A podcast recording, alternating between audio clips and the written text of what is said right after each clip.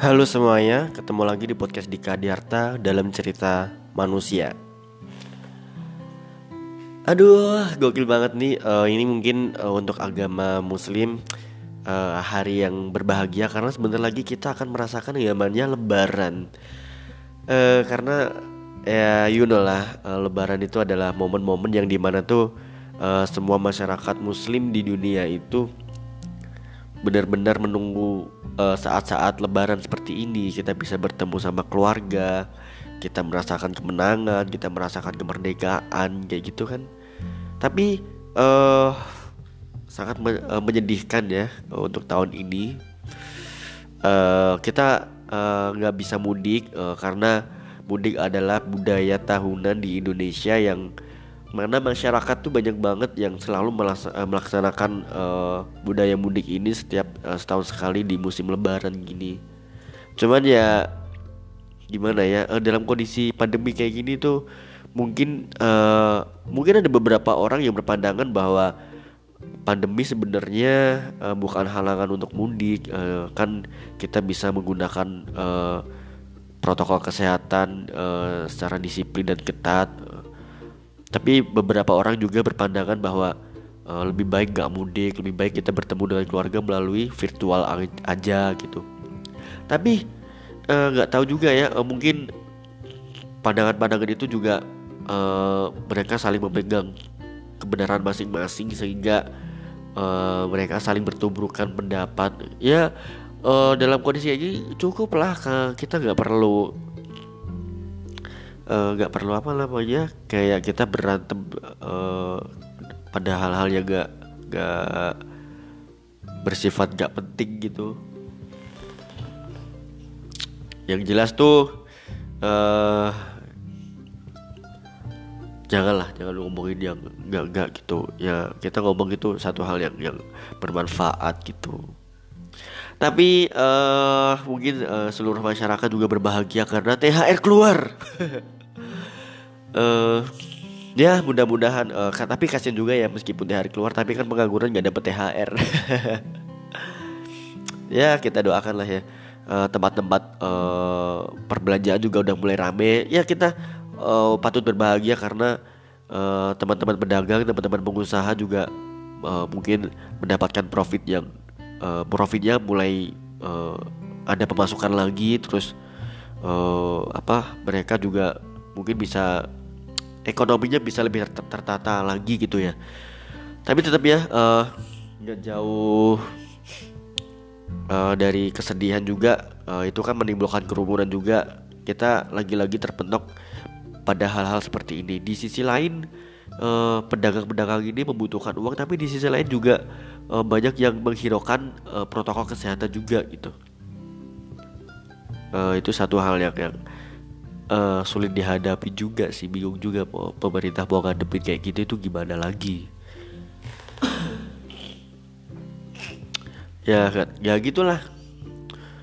Uh, mudik tuh aduh gila ya. Uh, kemarin tuh udah banyak banget yang rusuh uh, pengen mudik. Mul mulai dari tanggal 6 Mei itu kan udah ditutup ya udah beberapa titik itu ada ada penyekatan gitu. Dan itu udah banyak banget yang ketahuan uh, banyak banget yang juga uh, ada robos pe, apa tim penyekatan gitu. Dan mungkin mereka berpikirnya uh, orang-orang perantauan tuh kayak udah males banget ya luar gitu. Pengen ketemu keluarga gitu. Banyak uh, beberapa orang yang pas diwawancarain tuh kayak uh, kenapa sih mudik ya mereka udah nggak nggak nggak bisa ngapa-ngapain lagi. Nganggur di tanah perantauan nggak uh, yang yang pedagang juga pedagang apa dagangannya sepi di perantauan.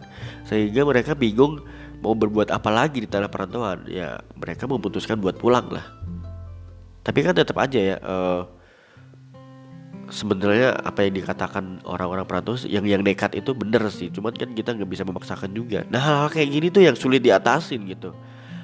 Kebijakan pemerintah sama masyarakat yang uh, pengen melaksanakan kegiatan tahunan ini tuh kayak eh, nggak uh, bisa dibenturkan gitu. Pemerintah punya kebenaran sendiri kemudian masyarakat juga punya kebenaran sendiri sehingga ketika pemerintah ngeluarin kebijakan ditentang dengan uh, argumen yang sebenarnya logis juga sehingga kita nggak tahu ya dalam kondisi yang benar apa enggak kita gitu.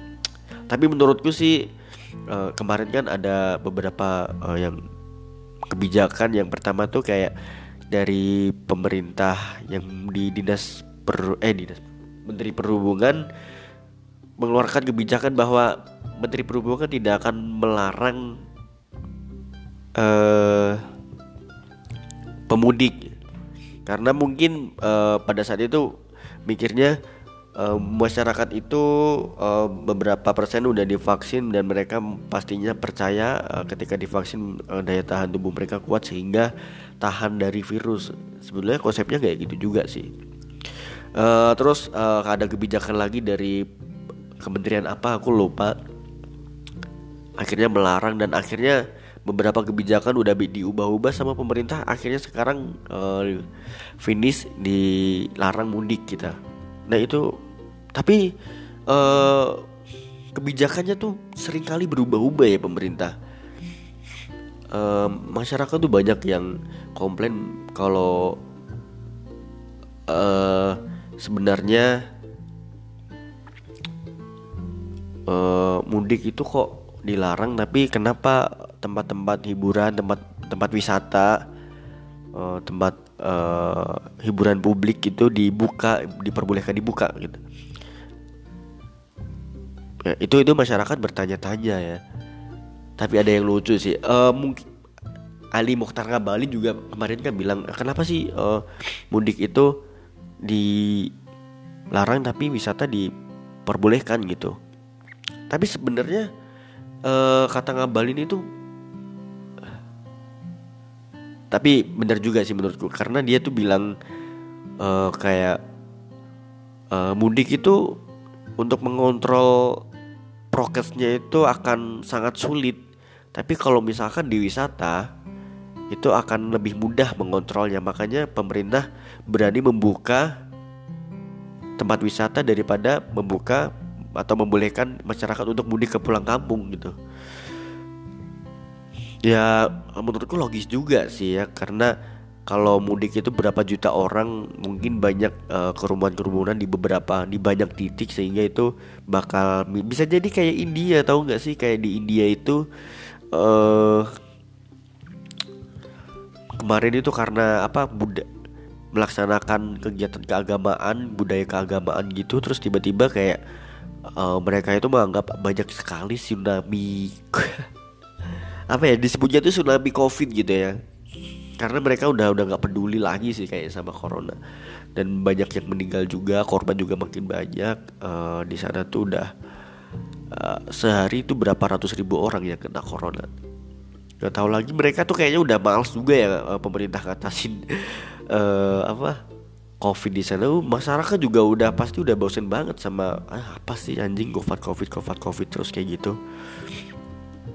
Padahal yang jelas tuh kita balik lagi pada diri kita masing-masing sih. Kita harus disiplin coy. Ya aku berharapnya sih bulan depan eh tahun depan kita bisa mudik uh, semuanya gitu seluruh Indonesia. Kita balik seperti tahun-tahun sebelumnya. Kayaknya aku udah kangen banget sama tahun-tahun sebelumnya gitu enak ya. Tapi nggak tahu kalian tahu nggak sih tujuan mudik? Mudik tuh kan kayak uh, tujuannya tuh kayak kita punya apa kayak ada dorongan keagamaan yang udah menjadi budaya gitu. Uh, karena kan Islam itu mengajarkan bahwa mereka yang sudah berpuasa akan diampuni dosa-dosanya.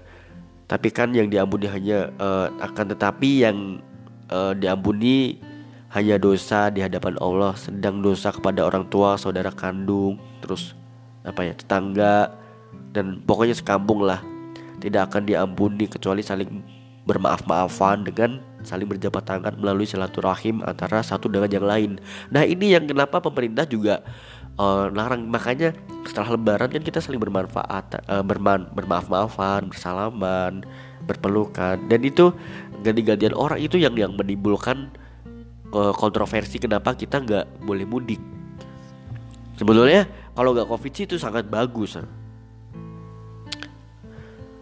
terus apa kayak tujuan kita juga punya rindu kampung gitu tau gak sih aduh aku sedih banget jadi uh, buat para perantau yang jauh dari keluarga itu jelas banget bahwa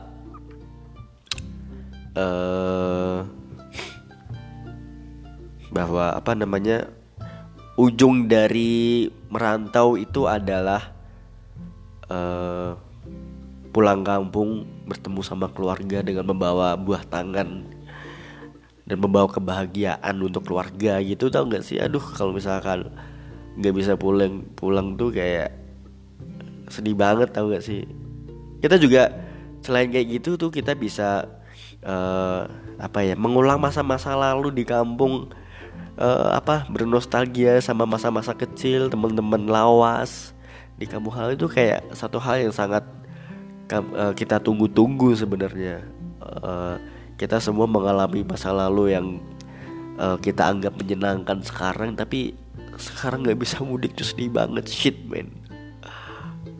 Tapi ada ya uh, di mudik tuh terus kita kayak ketemu sama temen-temen tuh ada unjuk kesuksesan di perantauan gitu tau gak sih? Kayak di lagi dia apa kumpulan temen-temen tuh kayak paling sebel tuh kayak kita sebenarnya kalau misalkan kita merasa nggak sukses tuh teman-teman lagi ngomongin tentang kesuksesan tentang pekerjaannya dia tentang kuliahnya dia itu kayak kadang-kadang malah menyakiti uh, hati teman-teman yang kayak merasa hmm, beda merasa bahwa dirinya nggak beruntung gitu kadang-kadang menyakitkan. Aku uh, nyaranin ke kalian kalau misalkan lagi ngumpul nggak usah deh ngomongin uh, tentang kesuksesan. Iya boleh, cuman uh, kayak uh, pemilihan kalimatnya tuh tolong di uh, pilih terus jangan meluarkan satu kesombongan kasihan karena kesombongan itu menyakiti hati orang lain terus bahkan uh, kita ketika menceritakan bilangnya nggak sombong. Bukannya sombong tapi kan kerjaanku gajinya segini-gini jabatanku gini-gini gini-gini itu kan jelas menyakiti ya uh, buat orang-orang yang nggak bisa merasakan seperti kamu yang sukses gitu. Ya itulah. Sedih ya kalau misalkan kayak gitu.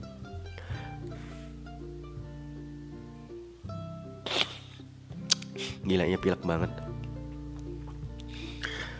Ya kayak gitu ya uh, lika-liku mudik sedih banget sih bisa merasakan kayak gitu tadi. Biasanya tuh kalau mudik pulang kita mampir ke rest area gitu kan. Tahu gak sih kayak aduh bahagia banget. Udah kangen banget rasanya kayak gitu tuh. Tapi nggak tahu mudah-mudahan uh, vaksin bisa segera selesai bisa sampai ya paling nggak tuh 85% ya biar kita semua itu uh, meskipun uji klinisnya nggak jelas. Lebih yang jelas uh, uh, Indonesia bisa terselamatkan ya. Uh, karena di New Zealand dan Cina itu kayak udah mereka udah berbahagia dengan udah nggak ada lagi kasus corona. Bahkan mereka kemarin sempat membuat uh, konser ya dan itu di Cina itu sampai lima, kurang lebih 50 ribu orang gitu ada di tengah-tengah kerumunan.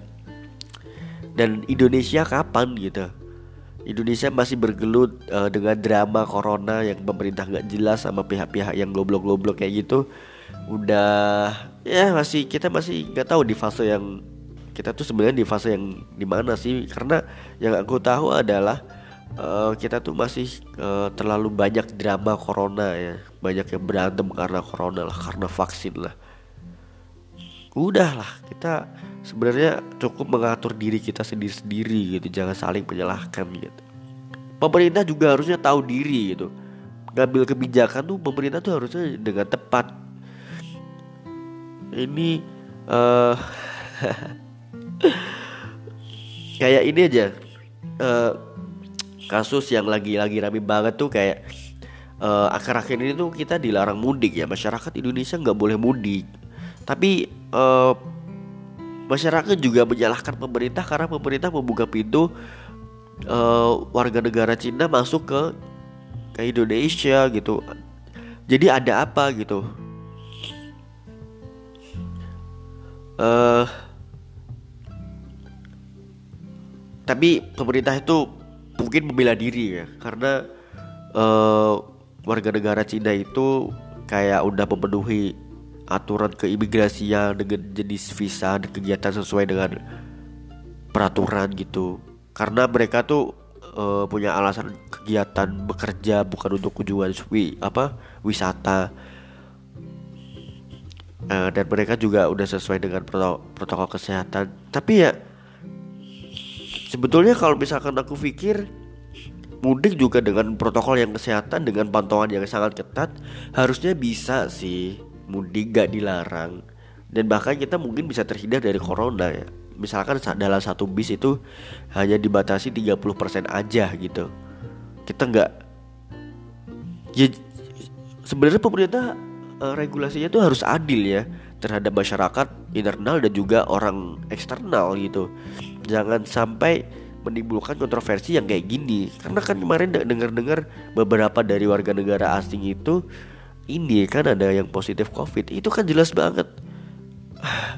Uh, memperkeruh suasana lagi gitu. makanya kemarin masyarakat di Indonesia juga banyak yang gak terima. Penyekatan penyekatan itu udah diterobos mereka udah gak peduli karena mereka juga udah muak sama regulasi pemerintah yang bener-bener gak jelas gitu ya aku paham gitu ya dari kondisi pemerintah sekarang tuh pasti jelas uh, mereka itu maju kena mundur kena. Mereka pasti dalam kondisi yang um, ketika mengeluarkan kebijakan serba salah. Tapi kan itu memang tanggung jawab pemerintah. Pemerintah itu jelas uh, harus berani berani menjabat juga harus berani uh, apa dikritik. Apa pun kebijakan yang kamu keluarkan itu pasti akan disalahkan oleh masyarakat yang tidak pro dengan apa yang dikeluarkan oleh pemerintah itu pasti jelas aja lah ada yang namanya uh, kontroversi terhadap regulasi yang pemerintah keluarkan gitu. Makanya aneh juga makanya aku aku pikir seharusnya kalau emang mudik itu apa nggak dilarang ya protokol yang 5M itu harus benar-benar diperketat lagi kayak misalkan bis diisi aja deh uh, cuma 25% aja orang-orangnya gitu. Terus kemudian harus bawa surat uh, apa ya paling nggak swab test gitu ya. Uh, ketika sebelum berangkat satu jam sebelum berangkat, terus ketika sampai di uh, kampung kita swab lagi tapi swabnya jangan jangan harga dikasih jangan dikasih harga mahal. Masyarakat juga akan uh, males kayak gitu. Harusnya disubsidi sama pemerintah harga swabnya sebelum satu jam sebelum berangkat ke uh, satu jam sebelum berangkat mudik di swab kemudian sampai di terminal uh, sebelum masuk ke rumah di swab lagi gitu. Tapi kan itu harus uh, ada apa namanya uh, subsidi agar uh, apa biaya swab test itu nggak mahal gitu. Itu mungkin bisa bisa di ini bisa di apa direalisasikan. Cuman kan karena pemerintah uangnya dipakai yang nggak tahu ya mereka pemerintah itu pakai uang negara tuh buat apa? Karena kan jelas ya uh, banyak orang-orang jahat yang ngambil duit negara buat uh, dirinya sendiri itu sangat egois banget. Padahal uh, masyarakat itu uh, sangat membutuhkan gitu. Buat uh, hal kayak gitu tuh tolonglah ya. Pemerintah tuh disubsidi gitu swab testnya ya. Itulah. Uh, harus ada keseimbangan. Masyarakat juga udah capek ya uh, di perantauan udah susah nyari kerja terus mau pulang kampung dilarang.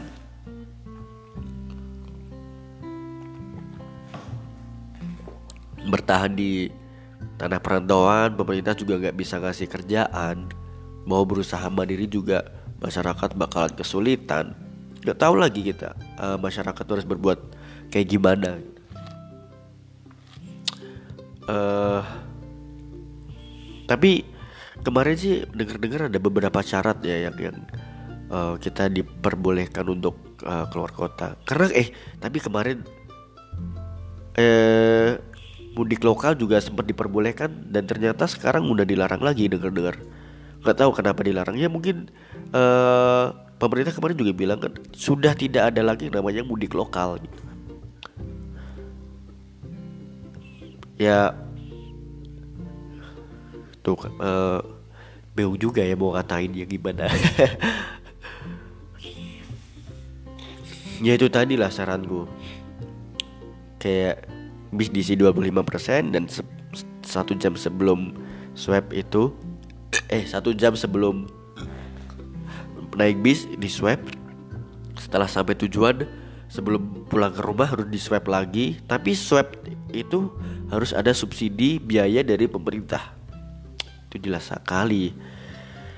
Uh, dan kerumunan kerumunan juga coba buat dilarang dipertegas lagi. Itu pasti insya Allah aman sih menurutku. Jadi harus di inilah harus difikirkan lagi lah. BU juga warga negara asing juga masuk sesuai dengan protokol juga bisa bisa aja kenapa ya mudik nggak bisa gitu sebenarnya pemerintah di pro yang mana sih? Uh, kalau emang membela dua-duanya ya tolonglah kasih kami kasih keadilan kepada kami gitu ya pemerintah. Udah memperbolehkan warga negara asing masuk ke Indonesia tapi ada beberapa korban juga yang masuk corona. Kemarin dari India juga ada kapal masuk, beberapa awak kapalnya juga uh, positif corona. Itu kan kayak masyarakat semakin pusing gitu. Anjing lihat berita tuh kayak tai banget lah. Banyak banget orang-orang yang uh, yang jelas ya pokoknya. Ya kita cuma bisa berdoa. Uh, ya mudah-mudahan corona itu segera kelar ya. Karena udah capek banget gitu. Udah capek banget hidup berdampingan sama corona tuh. Ya begitulah uh, obrolan tentang mudik. Nggak nggak tahu lagi ya uh, supir-supir bis juga kayaknya kasian banget mulai dari tanggal 6 sampai tanggal 17 Mei mereka nggak ada yang operasi sama sekali. Mungkin ada beberapa uh, angkutan umum yang beroperasi itu kan tapi untuk daerah ya. Untuk antar provinsi bis-bis yang jarak jauh itu kasihan banget. Mereka uh, ngandelin uangnya dari mana gitu. Mereka kan pendapatan utamanya dari penumpang penumpangnya gitu. Pemerintah juga harusnya memperhatikan sampai ke situ loh uh, mungkin kita juga harusnya uh, merasa sedih gitu ya. Supir-supir bis tuh uh, kehilangan pendapatan selama dari tanggal 6 sampai 17 Mei dan itu sama sekali nggak ada pendapatan malahan. Bahkan sebelum-sebelum dilarang juga kan uh, supir bis kayak gitu kan juga udah susah banget ya ngejar target setoran gitu mereka bingung juga mereka harus menghidupi keluarga-keluarganya. Uh, anak istrinya, sekolah anaknya, kebutuhan dapur, cicilan mungkin cicilan-cicilan kayak gitu. nggak tahu lagi ya. Uh, sama Indonesia. Tapi yang jelas kita harus mendoakan Indonesia.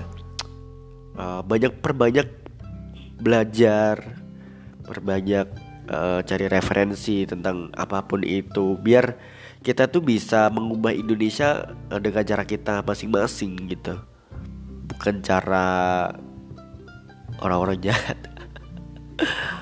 Gitu ya. Uh, sedih deh pokoknya.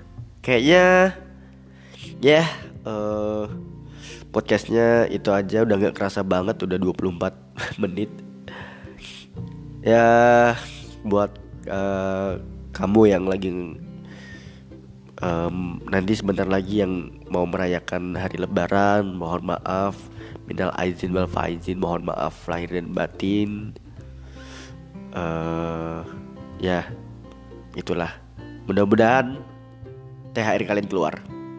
Wassalam.